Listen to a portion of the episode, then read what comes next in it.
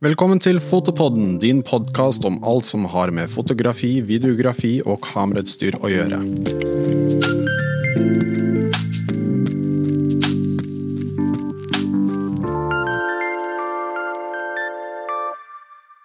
Det finnes veldig mange forskjellige eh, størrelser på bildebrikken på et kamera. Du har Micro Four Thirds, som du finner i kameraet fra Olympus f.eks. Du har APS, som står for Advanced Photo System. APC kaller vi det vanligvis i dag. APC, ok.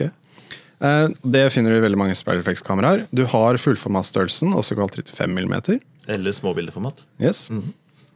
Hvor det kommer veldig mange spennende kameraer ute nå. Og så har du det vi skal snakke om i dag, mellomformat. Og jeg vet veldig lite om mellomformat, så da har vi med Erik i dag, som kan veldig mye. Ja, ja. Og kort forklart, hva er eh, den største forskjellen mellom mellomformat og de andre formatene? Det er størrelsen, da. Ja. Nei, altså, det er jo litt forvirrende alle disse størrelsene i dag. fordi i gamle dager så hadde man små bildeformat, mellomformat og storformat. Og Da er det jo naturlig å høre hva som er størst og hva som er minst. I dag så kaller man småbildeformat for fullformat, og da høres jo det større ut enn mellomformat. Men det er det ikke. Nei. Mellomformat er per definisjon det som er større enn 35 ganger 24 mm, og mindre enn storformat, som vanligvis regnes som fra 4 ganger 5 toms og oppover. Eh, Digital eh, Storformat fins i praksis ikke, så det trenger vi ikke tenke så mye på. Men mellomformat er da i dag det som er større enn 36 ganger 24 mm, som er fullformat eller småbildeformat. Ja. Og hva betyr det i praksis? Det betyr jo at du har, eh, når du har en større brikke, så har du, samler du mer lys. Du får litt andre egenskaper på bildet. Du kan ha høyere oppløsning osv. Men det blir større utstyr og tyngre utstyr og dyrere utstyr. ja, fordi jeg vet at når man går etter å se etter brennvidde på objektivene, så går man etter fullformat. Eller Ja, altså, og det er jo også en litt sånn håpløs greie, fordi at hvis du går tilbake til 70-80-tallet, så var alt omtrent som vanlige folk brukte, det var småbildeformat, altså fullformat. Eh, og da hadde man objektiver som var laget for det, f.eks. en 50 mm. Og så fikk man da etter hvert på digitalt så ble det veldig dyrt å lage brikker som var så store, og da lagde man mindre brikker. Men da var man vant til å snakke om 50 mm, eller 200 mm eller 35 mm. Og da måtte man eh, begynne å regne om.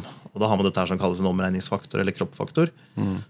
Så at man sier at å ja, men da blir det Det er en 35 mm, men det er tilsvarende 50 mm på en fullformat.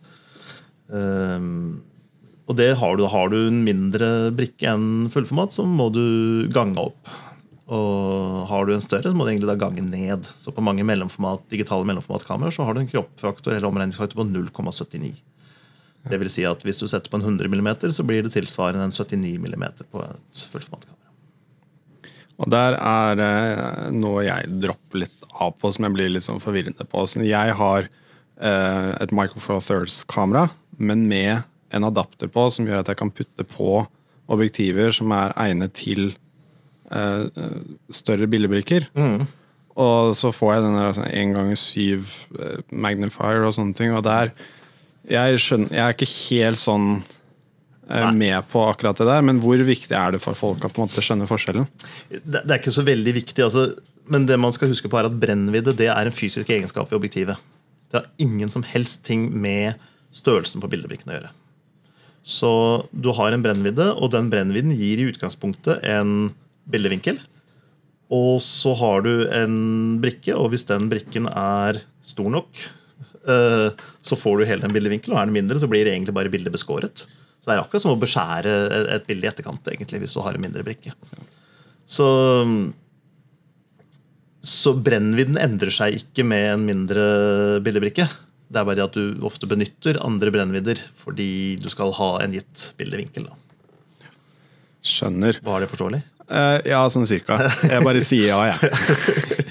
Og så skal vi gå da over på å snakke litt om eh, mellomformatskamera sin utvikling.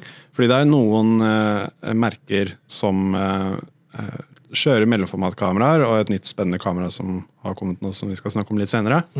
Men eh, hvis du tar liksom eh, mellomformatkameraer fra analogt til digitalt og snakker om utviklingen der Det var jo veldig stort analogt, eh, skjønte jeg. Det er brukt sånn 100, Du har 35 mm rull, og så har du 120 120 mm. Er det det Ja. som er 120 ble den. Ja. Ja. Altså, um, Tidlig i forrige århundre så var det jo mellomformat man brukte. Eh, 35 mm var jo enten ikke-eksisterende eller var så dårlig at ingen ville bruke det. Så det var først på slutten av 30-tallet at man begynte å bruke det. Og da var de latterlig små kameraer. Men jeg har jo bilde av bestefaren min uh, med kamera, og han brukte jo mellomformatkamera den gangen. Det var tidlig på 40-tallet. Og, og- og det var det man brukte, fordi man trengte altså Film var ikke så lysfølsom, og da trengte man stor film for å få rett og slett for å kunne få nok detaljer, selv om den ikke var så lysfølsom. Og Så kom det mer lysfølsomme filmer, og da gikk det an å gjøre filmen mindre. og Da kunne man gjøre kameraene mindre, og så kunne man gjøre kameraene billigere, og da ble de tilgjengelige for flere mennesker, og så fikk man opp volumene, og så ble alt enda litt billigere. Og så fikk man da den utviklinga man, man så etter hvert. Så fra si rundt 1950 da, så har 35 mm-filmen vært dominerende. Og etter det så ble mellomformat for profesjonelle fotografer. Eh, De fleste som har vært hos fotograf i studio, de har blitt tatt bilde av med et mellomformatkamera. Der har de en ganske stor boks på et stativ, og så kikker de ned i en sjakt.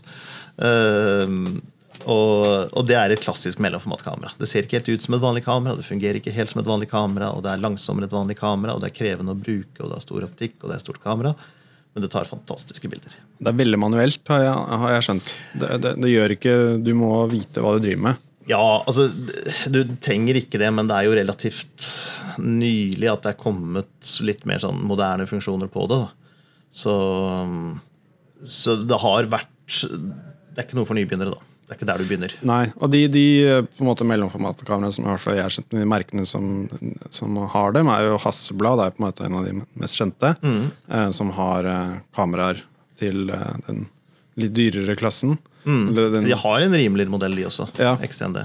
Men det er på en måte for de eh, som eh, skal eh, ta profesjonelle bilder. Det er på en måte ikke et feriekamera. vil man si. Nei, det er litt langsommere, og i hvert fall bortsett fra XND så koster det jo fort fra 100 000 kroner oppover for kamera, og optikken er dyr. Og, ja. Så det er, det er kostbare greier når du skal ha det digitalt. Og så har vi Leica. Vi Leica, ja, det er jo alltid kostbart, men ja. veldig, veldig fint. Utrolig fine kameraer. Er det. Og så har vi Fujifilm. Eh, og det skal vi gå over på nå og snakke om Fujifilm sitt nyeste kamera. Fordi du har vært i Japan. Mm, men kan jeg få snakke litt mer om mellomformat først? Ja, vær så god. Noe av fordelen til mellomformat, digital mellomformat sammenlignet med 35-film er at du har en høyere øh, Eller tradisjonelt har hatt en høyere fargedybde, større fargedybde, og hatt 16-bits farge i stedet for 14-bits farger. Så når du i etterbehandlingen så har du mye mer å jobbe med for å få ut akkurat de fargene du ønsker, og har et større fargerom, og du har, har mer å jobbe med, så du får et bedre resultat ut til slutt. Så kom disse litt mindre mellomformatkameraene, som Hasselblad XND, Leica sine, Fuji sine fram til nå. eh, Pentax hadde noen, et par modeller, og de var alle sammen 14 bits. Og da så man det med en gang, at bildekvaliteten ble ikke så fantastisk mye bedre enn på småbildeformat. Eller fullformat. Og Derfor så var det ikke så mange som, som ville bruke det. Mens Hasselblad og Phase One, som lager bakstykker til en del analoge mellomformatkameraer, de hadde 16-bit og en større brikke. Og Derfor så har folk vært villige til å betale de hundretusenvis av kronene det har kostet for dette utstyret, nettopp for å få den aller aller ypperste kvaliteten. Så det har vært en av de, de store tingene da, som, som har skilt mellomformat fra småbildeformat. Men så kom det 14-bits brikker på, nei, på mellomformat, og det var jo for å eh, For da kunne man putte inn en CMOS-brikke i stedet for en CCD-brikke. Det blir veldig teknisk, men da får du, kan du få ting som eh, full HD-video eller til og med 4K-video. Du har en del sånne kjappere utlesninger, lesing av data osv. Som, som gjør kameraet mer brukervennlig. Mm. Men så kan vi begynne å snakke om ny til Fujifilm. Ja, Ja. det, jeg husker jo Du kommer hjem fra Japan med et glis fra øre til øre og bare var helt forelsket i dette nye kameraet som er fra Fujifilm. Det er GFX 100. GFX hadde det. Og jeg har jo speksene her, men husker du dem sånn fra toppen av hodet? Hva var det som Alle fascinerte deg?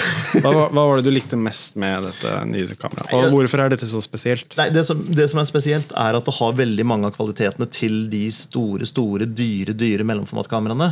eh, samtidig som det har brukervennligheten til fullformatkameraene. Og, og det er en kombinasjon vi ikke har sett før. Altså, eh, den har ikke fullt så stor brikke som Hasselblad og Phase One, men den har ekte 16-bits farger. Når du tar et bilde du tar det inn i Lightroom, så kan du dra i spakene så mye du orker. Altså. Du, og du brenner ikke ut bildet, for du har så stort dynamikkomfang. og Det er i det hele tatt en fryd å jobbe med, og du merker at du aldri nærmer deg grensa til ting. Du har så mye å gå på hele tiden. At, og du kan se på et bilde også at her, her, har du ikke pressa det til ytterste. Her har du et avslappet bilde som, som, som har det bra. Um, men det har vi jo sett før. Det som er så spesielt, er at jeg kunne ta opp dette kameraet og knipse med det. Og man har aldri før knipset med et mellomformatkamera. Men det bare går rundt håndholdt? Eller? Gå rundt håndholdt, ja. Og jeg kunne sette det på automatikk om jeg ville. Og ta et bilde, og da ha en innebygd bildestabilisator som er så bra at om jeg på en 110 mm, altså som da er ca. 90 mm ekvivalent, så da er vi tilbake der, mm. uh, kunne ta bilde på et tidels sekund uten å egentlig tenke meg noe særlig om. Ja. Og det har jo aldri vært mulig før. Så har, ting har vondt å være langsomt. Du, kan, du kan skru opp ISO-verdien ganske høyt, som gjør at du kan fotografere under et lysforhold som før ikke hadde vært mulig med mellomformat. Um, du har en autofokus som er kjapp nok til at du slipper å vente på den. og Det gjør også at du kan bruke det som et vanlig kamera uten å måtte irritere deg eller uten å måtte tenke på hva du skal fotografere og hvordan. Så, og du har seriebildefunksjon. Du kan ta inntil fem bilder i sekundet med driten. og det er 100 megapiksler. altså Her snakker vi 500 megapiksler i sekundet på 16 bits som den skal trø unna. Det vil si det er litt ljug, for den klarer ikke fem bilder i sekundet på 16 bit. Men allikevel. Det er 200 megabits-filer og det er en gigabyte i sekundet den trør unna. altså. En gigabit, gigapiksler, mener jeg, i sekundet. Ja. Og det, det, det, er, det, er, ganske vanvittig. Så, så, alt i alt så er jo kamera um, Du får all den bildekvaliteten du ønsker deg, og så får du all den brukervennligheten du ønsker deg. Og så er selvfølgelig ikke kamera lommevennlig, med mindre vi snakker busslomme her. Men, men eh, det er ikke større enn et Nikon D5 eller Nei. Canon 1DX Mark 2. Det er marginalt større enn en Olympus EM1X, som har en sju ja, Den her har sju ganger så stor bildebrikke da, som en Olympusen. Og er bare marginalt større. Og Hvilke målgrupper vil du se dette kameraet er for? Alle! Halleluja! Nei. så det kommer på en pris sånn cirka Ja, altså hvis jeg har lyst til å si at Hvis du spør om prisen, så skal du ikke ha det. Men det er ikke Nei. helt riktig. Det er selvfølgelig ikke et billig kamera. Um, kamerahuset vil når det kommer på markedet koste 120 000 kroner. Og det er ikke hele historien, for du skal jo ha optikk til det også. Ja. Så det er jo ikke det er jo ikke en billig sak på den måten, på noen som helst måte, men hvis du til nå har brukt um, Hvis du har brukt Hasselblad Face One så koster altså fort kameraene 200 300 400 000, og optikken koster mye, mye penger. Og hvis du skal prøve å holde noe sånt oppdatert, så er det en veldig kostbar affære. Mens hvis du da skifter til Fuji-system, så er plutselig da ikke 120 000 pluss 20 30 40 50 000 for noen objektiver blir faktisk ikke så ille. altså. Men, men, det er selvfølgelig profesjonelle fotografer som lever av dette her og som selger det. Og så er det jo noen som har det som eh, hobby, og som bare elsker bildekvaliteten og, og, ønsker seg dette her. Og da er det jo et spørsmål om prioritering. Altså, folk kjøper Tesla-biler og en lav sko. De koster 700 000-800 000 kroner. Hadde du klart det med en bil til 600 000 CD, som jeg vil påstå er en svært anstendig bil, så hadde du hatt råd til det. Så, det, så du, veldig mange kan ha råd til det hvis de ønsker det. Ja. Spørsmålet er eh, hvem som ønsker det. Ja. Og det er jo litt med størrelse også, selvfølgelig. Det er jo ikke bare prisen.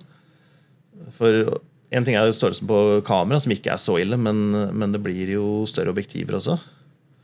Og da, da, blir det jo en større pakke, selvfølgelig. Men, men, samtidig så får du jo bedre ergonomi, det er bedre holde, knappene ligger på riktige steder, og alt fungerer sånn som det skal fungere.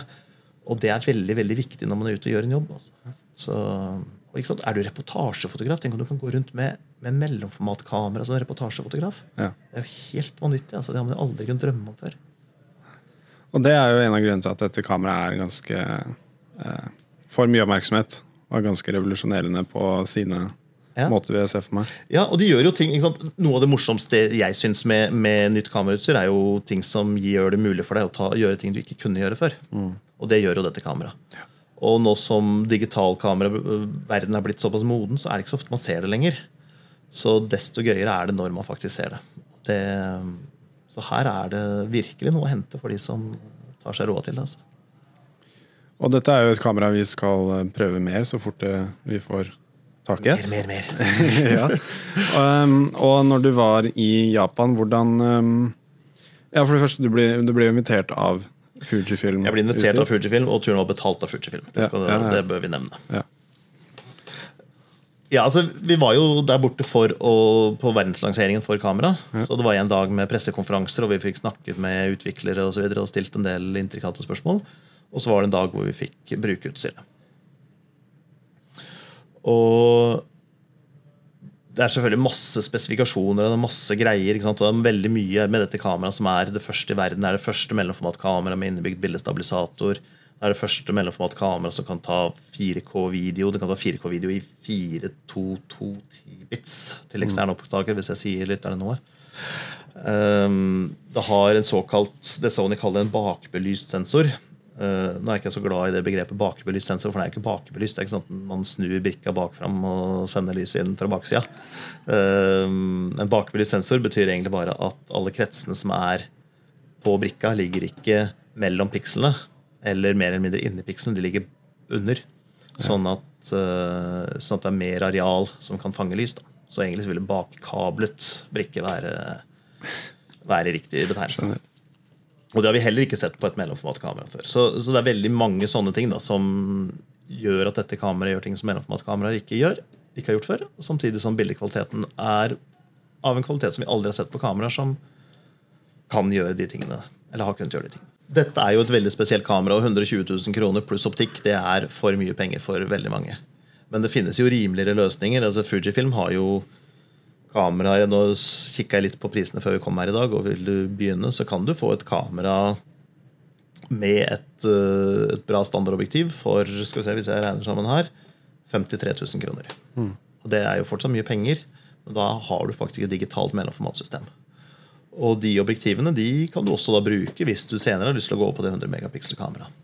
Så det går an å starte der, og Da har du kamera som er faktisk utrolig lite, og som du kan bruke til gatefoto og gå rundt og også knipse med, men da har du ikke bildestabilisatoren, og du har ikke alle disse superavanserte funksjonene. Men, eh, men du har en bildekvalitet som er eh, en del trinn høyere enn det du har sett før. altså.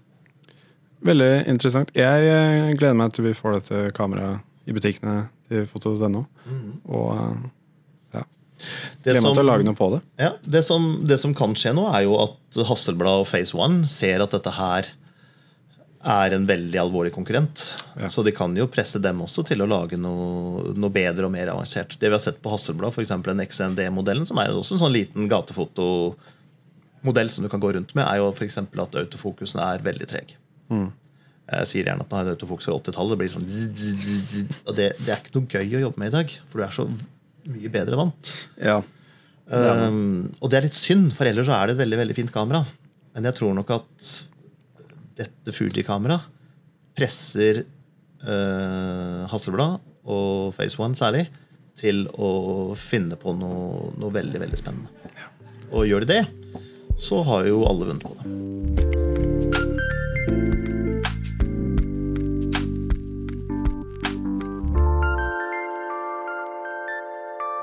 Da har vi ukes anbefaling, som er jo en fast spalte vi har, hvor vi kommer med anbefaling til lytterne våre, om det kan være en annen podkast, en Instagram-profil, et reisemål eller egentlig hva som helst. Noe utstyr eller noen sånne ting. Har du den, noe denne uka her du ønsker å anbefale lytterne våre? Jeg ble jo litt forelska i Japan da Ja. da jeg var der. Så Japan er litt sånn skjult perle. For det, er, det, det kommer jo an på hvor eventyrlysten du er, men du er jo et land hvor du forstår ikke hva folk sier, folk forstår ikke hva du sier. Du skjønner ikke helt hva de gjør, og de skjønner ikke hva de, du gjør, og heller ikke hvorfor. Og, og hvis du syns det er gøy, så er Japan et utrolig spennende land. For det er så mange rare ting. Det er et rart land. Og, men når du lærer litt om det, så er det, gir det mye av det mening. Men det er ikke sånn opplagt intuitivt for oss. Og det er jo selvfølgelig pga. kulturforskjeller, ikke fordi de gjør ting galt og vi gjør ting rett. Men øh, Noen ganger så gjør de det også. Men øh, stort sett så er det bare at de gjør ting på en annen måte. Og et land hvor de gjør ting på en så annen måte, som likevel er relativt vestlig orientert og relativt sivilisert og osv., så, videre, så så er det veldig spennende land å reise i. Og så er det veldig trygt. Det er ikke noe kriminalitet. Så du kan ha mobiltelefon i, lom, i baklomma uten at den blir stjålet. og sånn. Mm. Veldig fint. Så sjekk ut Japan hvis man kan. Jeg ønsker å anbefale en podkast som har blitt anbefalt av, eh, av noen av oss fra en tidligere episode. Og jeg begynte å høre på den etter at jeg ble anbefalt, og jeg må si jeg virkelig synes det var veldig interessant. Det er Stuff You Should Know. Som er en podkast som forklarer om ting du burde vite noe om. Og de går litt i dybden og litt sånn på en måte litt sånn komisk eh, eh, metode å gjøre det på, men jeg syns de to gutta der som, eh, som har den podkasten, var utrolig, utrolig flinke. Og veldig forklarer ting på en veldig god måte. Så den podkasten har fått sin andre anbefaling her. Så det høres ut som noe for meg. Kanskje jeg skal anbefale den neste gang. ja, ikke sant? Kommer tilbake nå, så sier jeg bare sånn den er veldig bra.